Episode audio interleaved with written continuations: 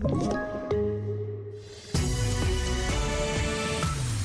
Här är TV4-nyheterna som börjar med att Frankrike trycker nu på USA för att FNs säkerhetsråd ska ta fram en resolution om vapenvila i konflikten mellan Israel och Hamas och därmed få möjlighet att ta in humanitär hjälp i Gaza. Säkerhetsrådet har hållit flera möten sedan konflikten inleddes men hittills utan att kunna enas om ett gemensamt uttalande.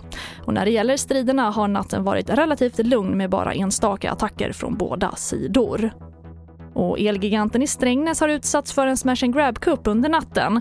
Enligt polisens uppgifter har någon kört sönder butikens dörrar med hjälp av en hjullastare. I nuläget är ingen gripen och det är oklart vad som stulits. Och vi avslutar med ett glädjebesked för alla Solsidan-dyrkare. Tjenare mannen! En ny säsong spelas nämligen in nu och det kommer bli den roligaste hittills menar TV4s dramachef Josefin Tengblad. I den nya säsongen får vi följa de tre parens livskriser framtvingade av jakten på lycka och det förflutna och framtiden. Den nya säsongen har premiär i höst på TV4 och Simor. Och det får avsluta TV4-nyheterna. Jag heter Charlotte Hemgren.